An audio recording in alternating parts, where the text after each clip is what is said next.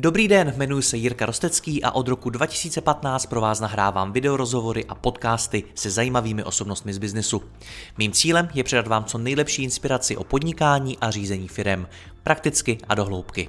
Více než 1200 rozhovorů najdete i na mém webu mladýpodnikatel.cz a pokud chcete jít při poslechu ještě více dohloubky a nahlédnout do hlav top osobností českého a slovenského biznesu, přidejte se i mezi naše předplatitele. Nemohl bych to dělat bez partnerů, jako je ShopTet, který poskytuje nejpoužívanější e-shopové řešení v Česku. Stačí kliknout a začít prodávat. www.shoptet.cz Děkuji vám za poslech a teď už další rozhovor.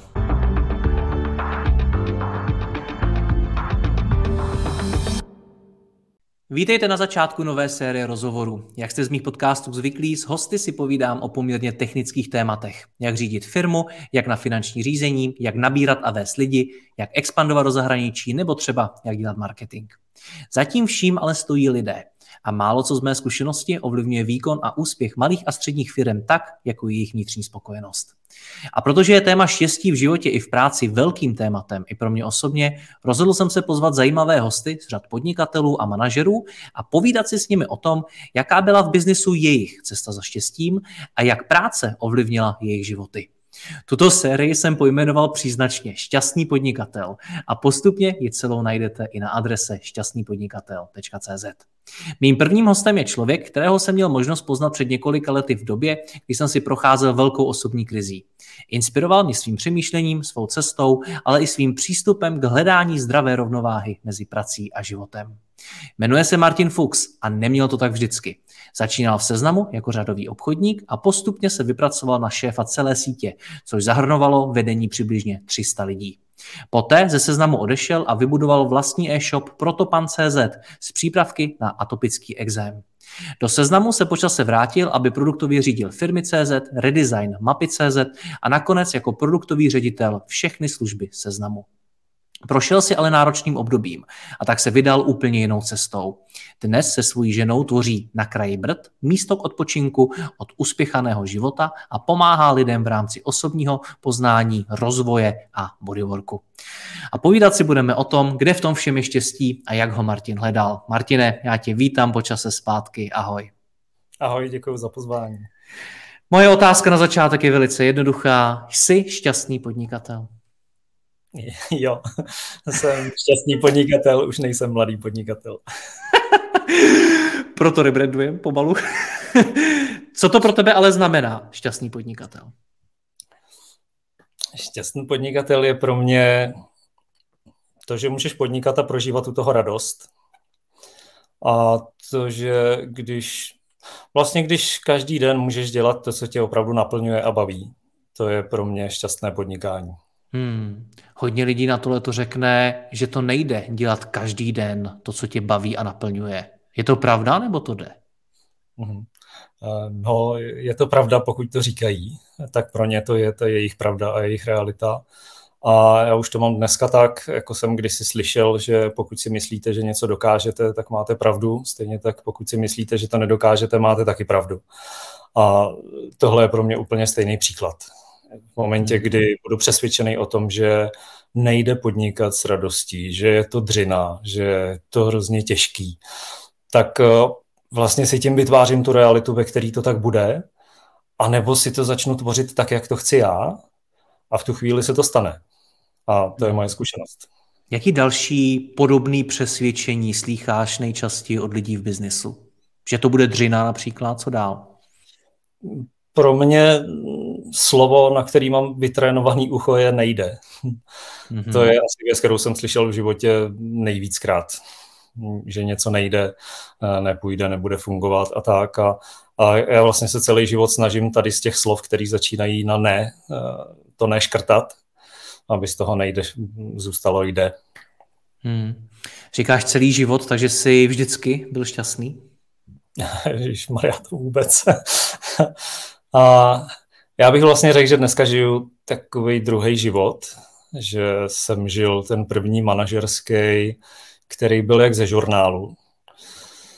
to vlastně, když se ohlídnu, tak eh, i to, co si povídal, vlastně v seznamu jsem byl dvakrát, jednou jsem tam řídil de facto celý obchod, nebo tu obchodní sítě telesales, po druhý jsem tam začal na firmách a ve finále jsem byl produktový ředitel všech těch služeb a, a, to samozřejmě znamenalo nějakou prestiž, nějaký peníze, měl jsem rodinu, dvě děti, kompletně zajištěný, ale bylo tam úplný prázdno. No, a já jsem vlastně začal hledat proč to mám tak, že když mám všechno, co ostatní říkají, že je to štěstí, že vlastně tohle až dosáhnu, tak budu šťastný, tak proč to nepřichází? Jo, jedna z takových velkých eh, wake-upů pro mě bylo, když jsme dělali dva roky na projektu firmy 214, a měli jsme je spustit, tak tenkrát to byl obrovský projekt. Tam znamenalo během jedné noci převést všechny klienty z nějakých ročních pladeb a na, na denní aukci a, vlastně většinu takových projektů, který se znám dělal, tak vždycky dopadly nějak, že se něco podělalo a tady se stoprocentně věřilo, že se to jako na poprvé nesvične. A byla půlnoc, my jsme začali překlápět a v 0,20 všechno svítilo zeleně, všechno vypadalo, že se podařilo tak všichni teda velká heuréka a, a pamatuju si, jak jsme tam šli na terasu a vytáhli se ty doutníčky a, a začalo se tam popotahovat. A já, a já jako si říkal, kde, kde je ten pocit, kde je to jakože to wow, proč se neraduju, proč tam není něco, na čem dva roky člověk dělá. Tak to bylo pro mě takový první, co mě asi vedlo k tomu, že jsem se začal víc zajímat, kde je vlastně ta radost v tom životě. A došel jsem k tomu, že vlastně žiju spíš život takový ten z časopisů, takový ten život podle druhých lidí, co ti říkají, co máš dělat, aby si byl šťastný a jak ten správný život má vypadat. A místo toho jsem začal hledat, co fakt naplňuje mě, co je pro mě to důležitý.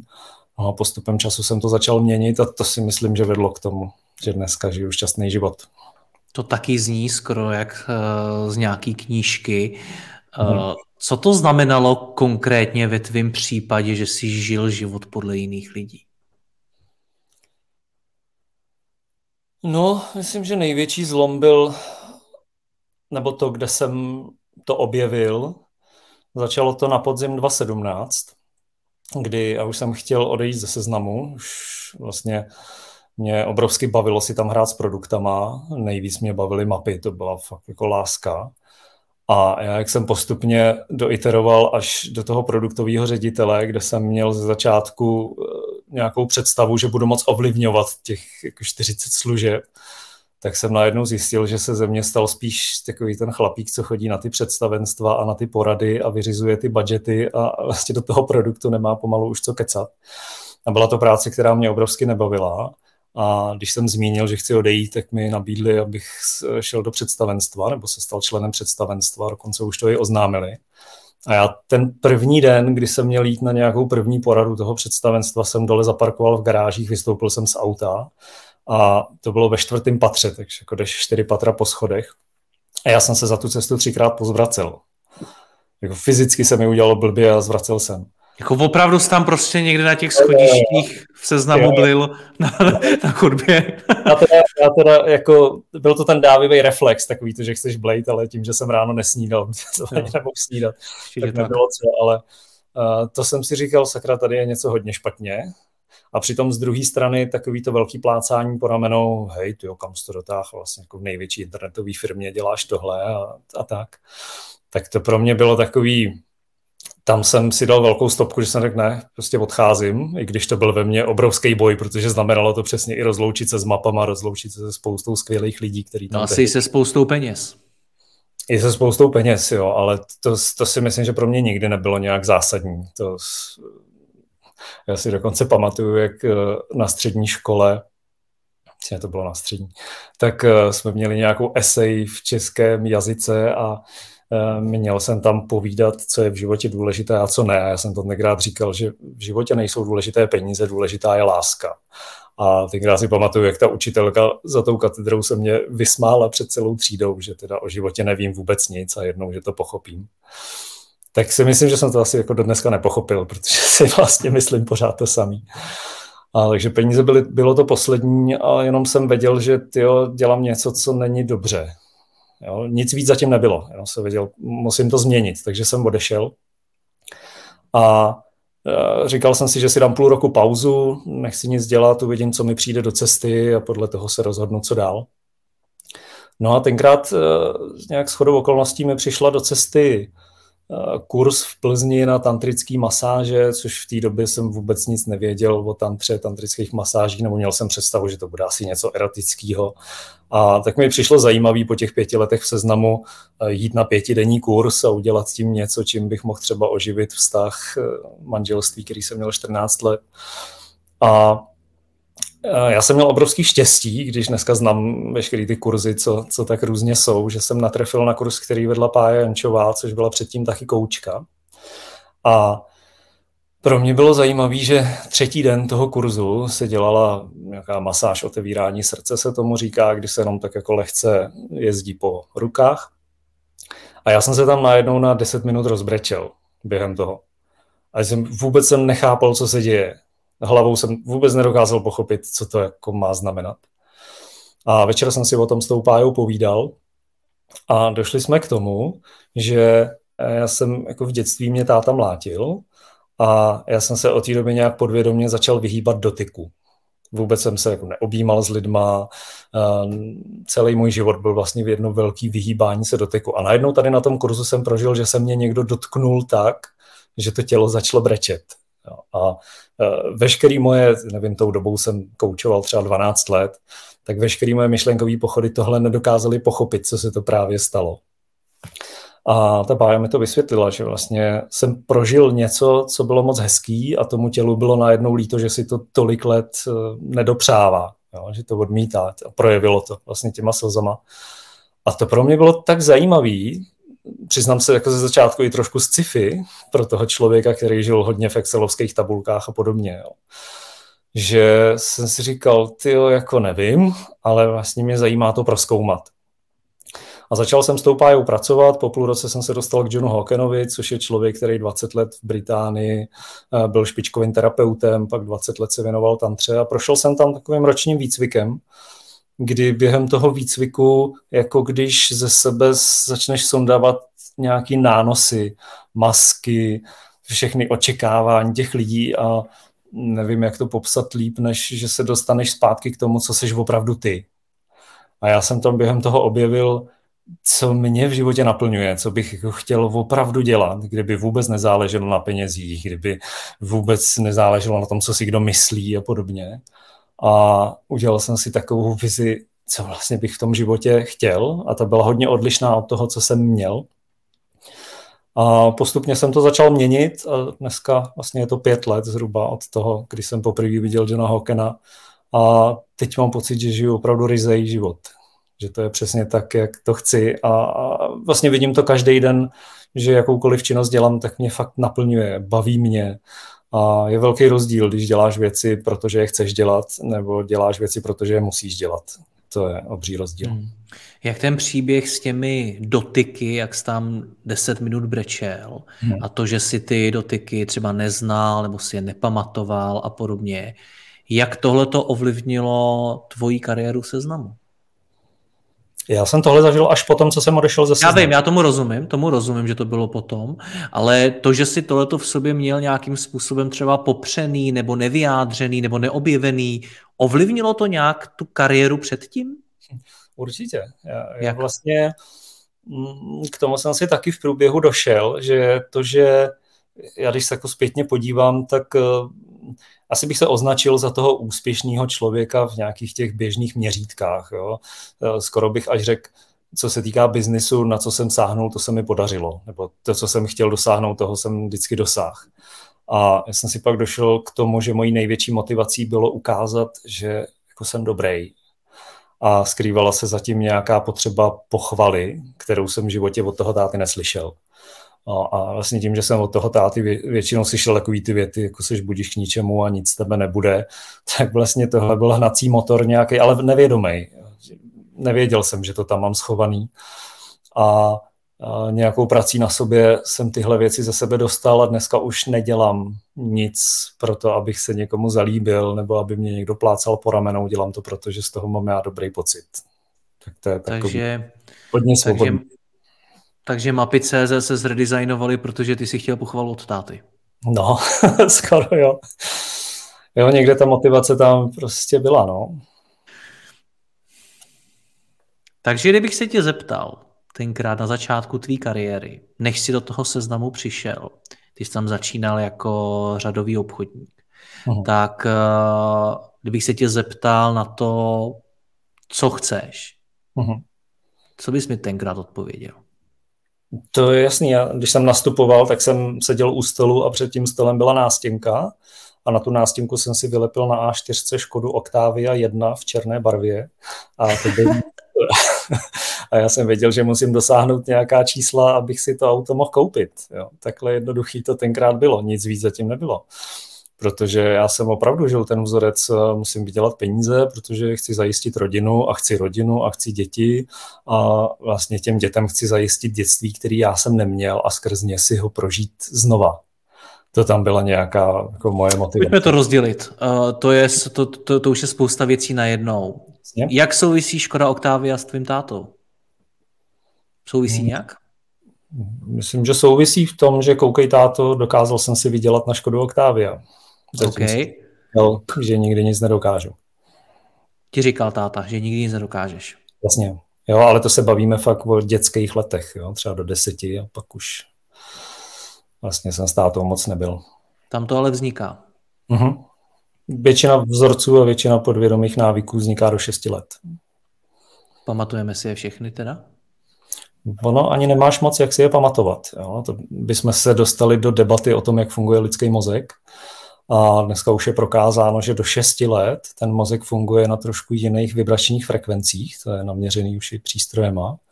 A teprve okolo toho 6. 7. roku začíná dorůstat neokortex, jak máš jako amygdalu, úplně základní mozek, pak máš ten savčí mozek a pak máš šedou kuru mozkovou tak ona začíná právě kolem té 6.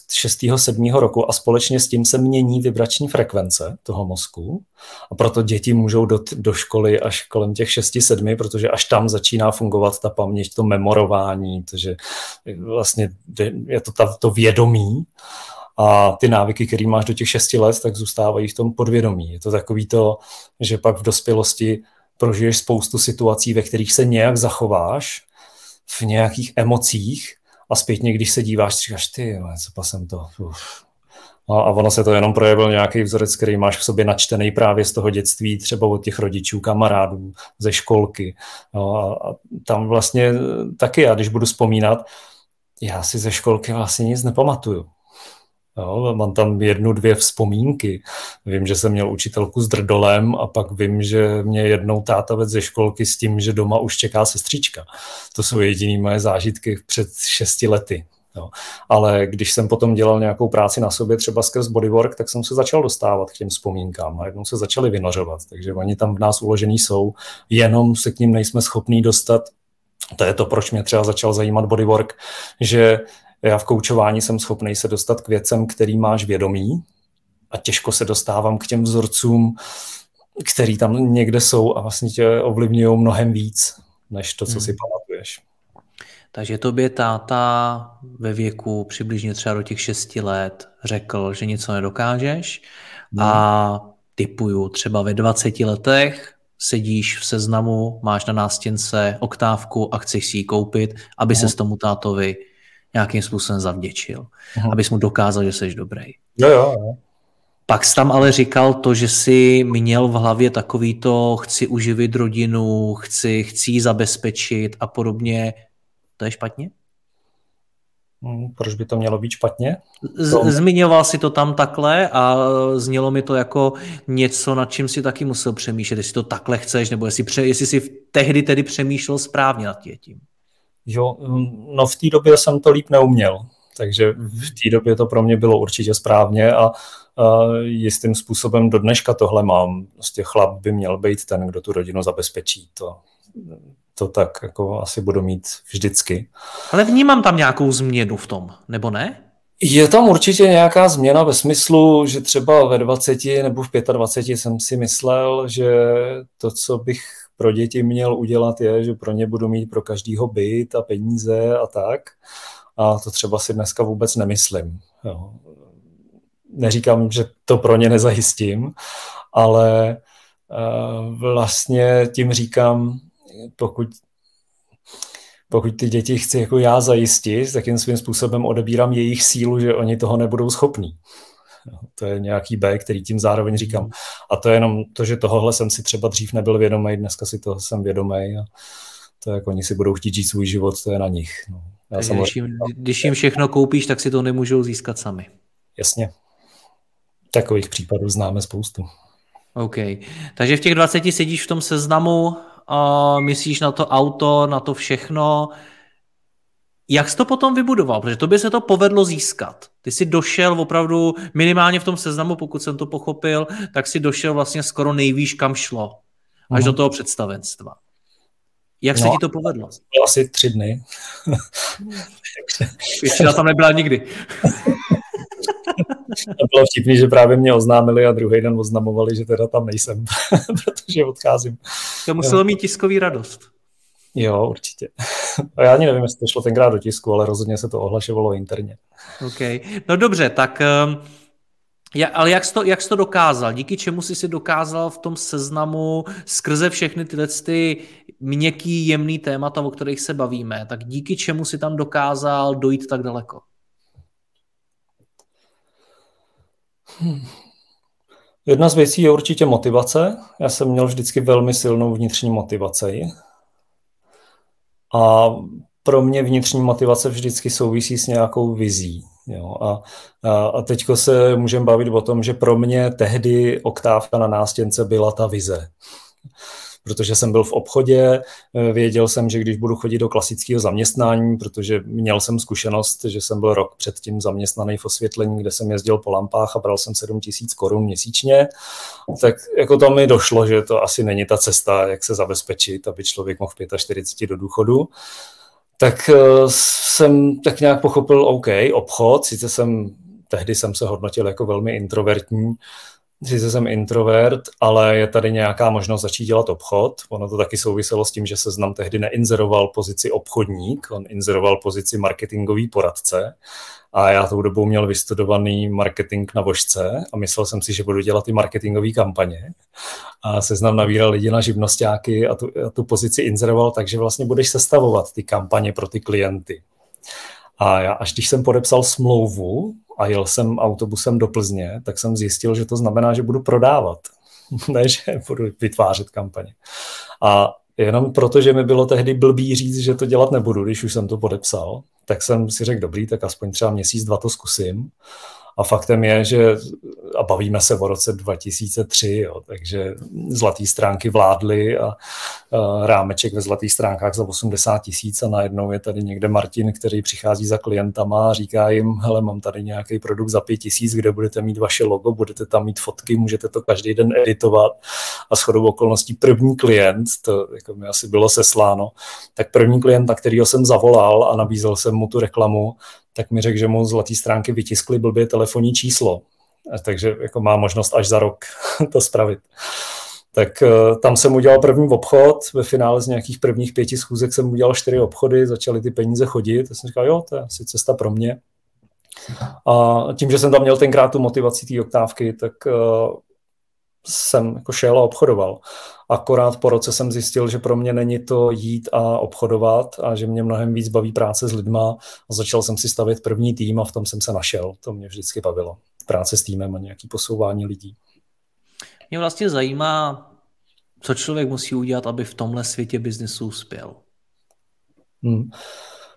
Pro mě je to vždycky mít nějakou svoji silnou vizi, a, a teď si myslím, že slovo vize dneska je hrozně zprofanovaný, jo, že každá firma hledá svou vizi a tiskne ji na A4 někde, kde ji lepí po chodbách a tam to taky zůstane a nějak dál se s tím nepracuje.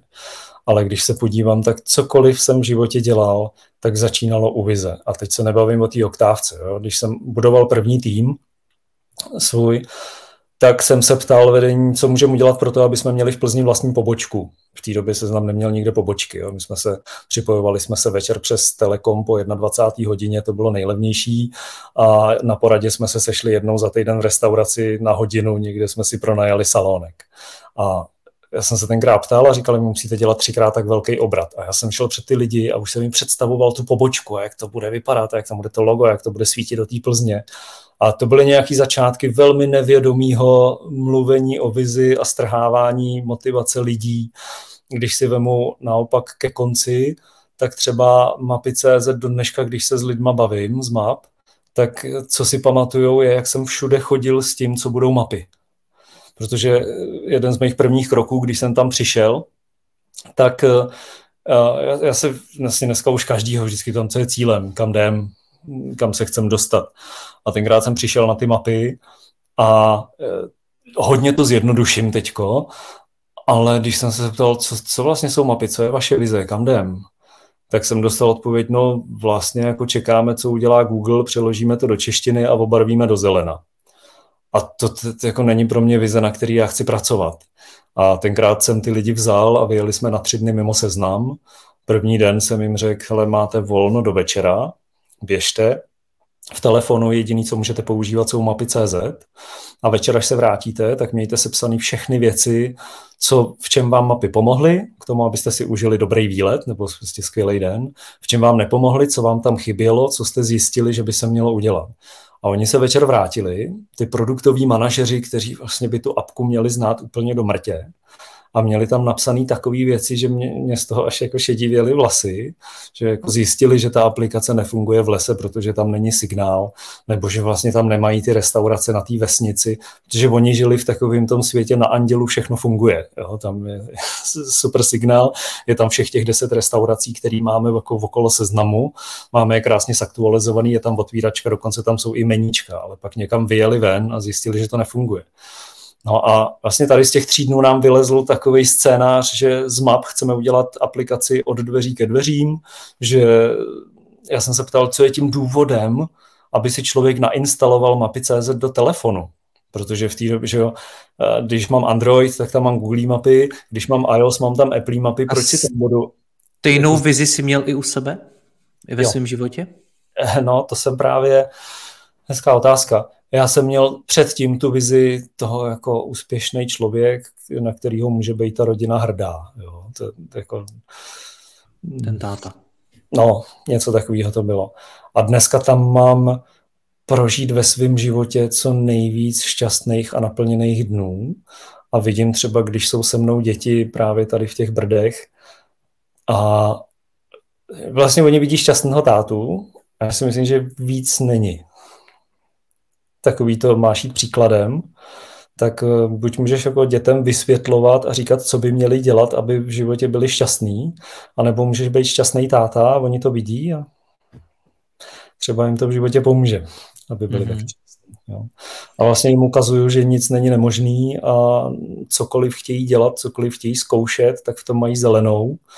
Akorát si tam tak jako hlídám, kdybych chtěl skočit ze skály a tak, tak asi jako mohu vysvětlit úplně dobrý nápad. Tahle ta vize, co máš dneska, dokázal by si s ní uspět v tom biznesu, například v tom seznamu? Dokázal by si s ní zopakovat to, co se ti povedlo například v seznamu? Já si myslím, že to naopak teď opakuju jako možná častěji než předtím, mm-hmm. protože to, to, co jsme tady v tom prostoru na kraji Brd, tak jsme to kupovali někdy dva a půl roku zpátky a tam je taky takový hezký příběh. Jo. Tři a půl roku, vlastně rok předtím, tak jsem se svou ženou seděl a bavili jsme se, jak bychom chtěli ten náš život, co bychom chtěli. A vzali jsme si A4 zase a kreslili jsme si, co je to naše vysněné místo, kde bychom chtěli být. A jsme si nakreslili, že jako nějaký dům a měl by to být velký pozemek a tam bychom si chtěli pěstovat vlastní jídlo. A Tehdy jsem procházel s reality a našli jsme nějaký pozemek s rozestavěným barákem někde u Berouna za 16,5 mega a já tam tehdy byl kočerstvě po rozvodu, úplně peněz jako nebylo moc. A šel jsem tenkrát za Martinem Rozhoněm, jestli by jako zainvestoval do toho, protože jsem tehdy, že dneska už si to taky splnil, ale v té době taky mluvil o tom, že bych chtěl místo, kam jako lidi odpočívat. Přišlo mi, že vlastně ty vize máme hodně podobný. Potíž byla v tom, že za A já tu vizi vůbec neměl jako přesnou, měl jsem ji velmi takovou rozplizlou a sám jsem se nacházel asi jako v nejhorším období svého života zrovna. Takže to, že pak jako Martin řekl, že ne, se vůbec nedivím, dneska jsem za to i vděčný, protože jestli jako Martin mluví o tom, že hodně dá na nějakou energii těch lídrů a podobně, tak v té době ze mě musela jít jako úplně šílená energie. A to, proč to vyprávím, je, že my pak asi rok jsme hledali pozemek s barákem, kde bychom si mohli plnit ty naše sny. A byli jsme asi na 30 prohlídkách a pořád to nebylo ono. Buď něco tam vadilo mně, nebo tam něco vadilo ženě a už jsme z toho začali být tak jako netrpěliví. A pak jsme si v jeden den sedli, vzali jsme ten papír a začali jsme to přesně specifikovat. Jo, co je jako opravdu přesná ta vize naše. A teď jsme se bavili o tom, děláme v Plzni a Praze, takže to chceme někde mezi Plzní a Prahou, aby ten dojezd byl jako ideálně do obou měst pohodlný. Chceme to poblíž dálnice, aby jsme rychle najeli, nemuseli jsme ze Šumavy dvě hodiny se trkocat k dálnici, ale zároveň to chceme dál od dálnice, aby nebyla slyšet. Chceme tam samozřejmě lesy. Nechceme úplnou samotu, ale chtěli bychom malou vesničku, ideálně na kraji, ve slepý uličce, aby tam nejezdili auta. Teď jsme jako všechno to domalovali. Chceme tam nějakou další nemovitost, kterou bychom mohli pronajímat, potřebujeme, aby ten prostor byl jako obří. A teď jsme to všechno namalovali, tak jsme se na to podívali a jsme říkali, no, to jako, pů, to bude peněz. tak jsme tam ještě dopsali větičku a eh, se omlouvám, jestli už to jako bude znít hodně EZO, ale je to všechno absolutní realita. Jsme tam dopsali větičku, že potřebujeme, aby to prodával znuděný milionář. jako nebude to chtít prodat za velký prachy. Jo. A pak jsme vzali mapy CZ, na tom jsme si vyklikali 30 vesniček, které pro nás byly tak zajímavé, že hele, tady by jako to mohlo být. Druhý den jsme vzali auto, objeli jsme a vylipili jsme takový ty papírky s těma trhátkama, že v této lokalitě kupuje, máme zájem o barák nebo pozemek. Tak jsme to rozvezli, druhý den se někdo ozval a nebylo to nic moc. A za týden, přesně týden na to, jsem v S-realitách dal refresh toho, co jsem tam měl nastavený nějaký filtr. A na prvním místě vyjela eh, toto, kde dneska jsme. Bylo to šíleně nafocený, protože všechny inzeráty na S-realitách mají profi fotky. Tohle bylo nafocený z mobilu, bylo to takový rozmazaný.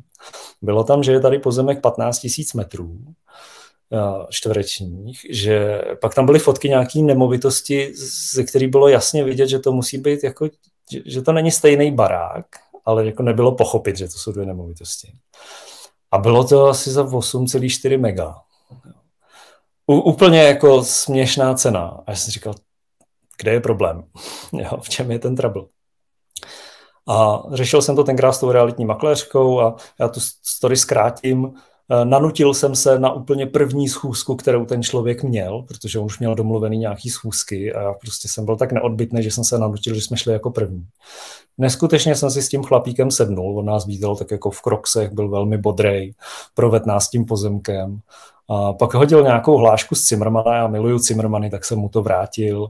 Pak uh, žena tam někde viděla květinu, řekla, je, vy tady máte, já už, už nevím co, a on byl úplně nadšený, že to žena zná. A něco tam mezi náma proběhlo, že, že on řekl, vám to dám. Vám, vám to chci dát, vám to prodám. A pak jsem se dověděl, že on předtím to prodával i za víc peněz. Měl tady nějaký developery, ty to chtěli rozsekat, postavit takový ty tisícmetrový eh, domečky že jo, s těma malýma pozemkama. A když mu řekli, jak to chtějí rozsekat, tak on je vyhnal a říkal, že po sobě chce člověka, který to tady bude rozvíjet a on měl velmi dobrý vztahy ve vesnici, takže tady nechce žádného pitomce, který by ty vztahy roz, rozesral. Hmm. A pro mě bylo zajímavé vidět, jak když jsme si přesně vyspecifikovali, co chceme a od koho to chceme. Já jsem se pak dověděl, že ten člověk byl jako šéfem a teď dělal v České národní bance a, hmm. a tak. A jemu vůbec nešlo o peníze, on jsem fakt chtěl dostat jako lidi, kteří to budou rozvíjet, že se přesně stalo to, co jsme měli na tom papíře. Plyne z toho nějaký ponaučení? No, pro mě je to pořád to, že já musím přesně vědět, co chci a pak mám teprve šanci, aby se to stalo. Protože my jsme rok nevěděli, co chceme. My jsme věděli, fakt chceme nějaký barák s nějakým velkým pozemkem. A v tu chvíli se nám nic nelíbilo. Vždycky tam byla nějaký ale. A teprve, když jsme si vyspecifikovali, co přesně chceme, tak jsme to našli. Najednou se to objevilo. A někdo může říct náhoda, ale v tom, jak prožívám ten život, tak už v těch 20, kdy jsem přesně věděl, jakou oktávku chci, tak jsem si pak přesně tuhle oktávku koupil. Když jsem věděl, jak přesně mají vypadat ty mapy, tak přesně ty mapy takhle vypadaly. Když jsem věděl, jak mají vypadat nové firmy 2014, že tam bude nějaký táhlo, za který zatáhnu a stane se nějaká magic zatím, že mě to rozřadí do kat- tak se to stalo. Jo. Když jsem, teďko jsem třeba v Unstudiu a tam mi říkal Peťa Vataha, majitel, když jsme jako řešili, že jeho vize je, že by chtěl čtyřdenní pracovní týden. A, teprve když vyslovil tohle, tak se mohlo stát, že má čtyřdenní pracovní týden. Do té doby chtěl jenom nějak obecně, aby se lidi měli dobře v té firmě, aby to jako něco vydělávalo. Tak pro mě je to tahle síla. Ale umět dobře specifikovat to, co chci, to taky není úplně jedno. Děkuji, že posloucháte tento rozhovor. Jeho zbytek je určený exkluzivně pro naše předplatitele, kteří si mohou poslechnout i celou řadu dalších top osobností českého a slovenského biznesu. V poslechu můžete pokračovat během chvíle na mladýpodnikatel.cz lomeno předplatné. Zakoupením předplatného navíc podpoříte i moji práci a budu tak moci tvořit další rozhovory a inspiraci pro vaše podnikání a vaši kariéru. Děkuji vám, Jirka Rostecký.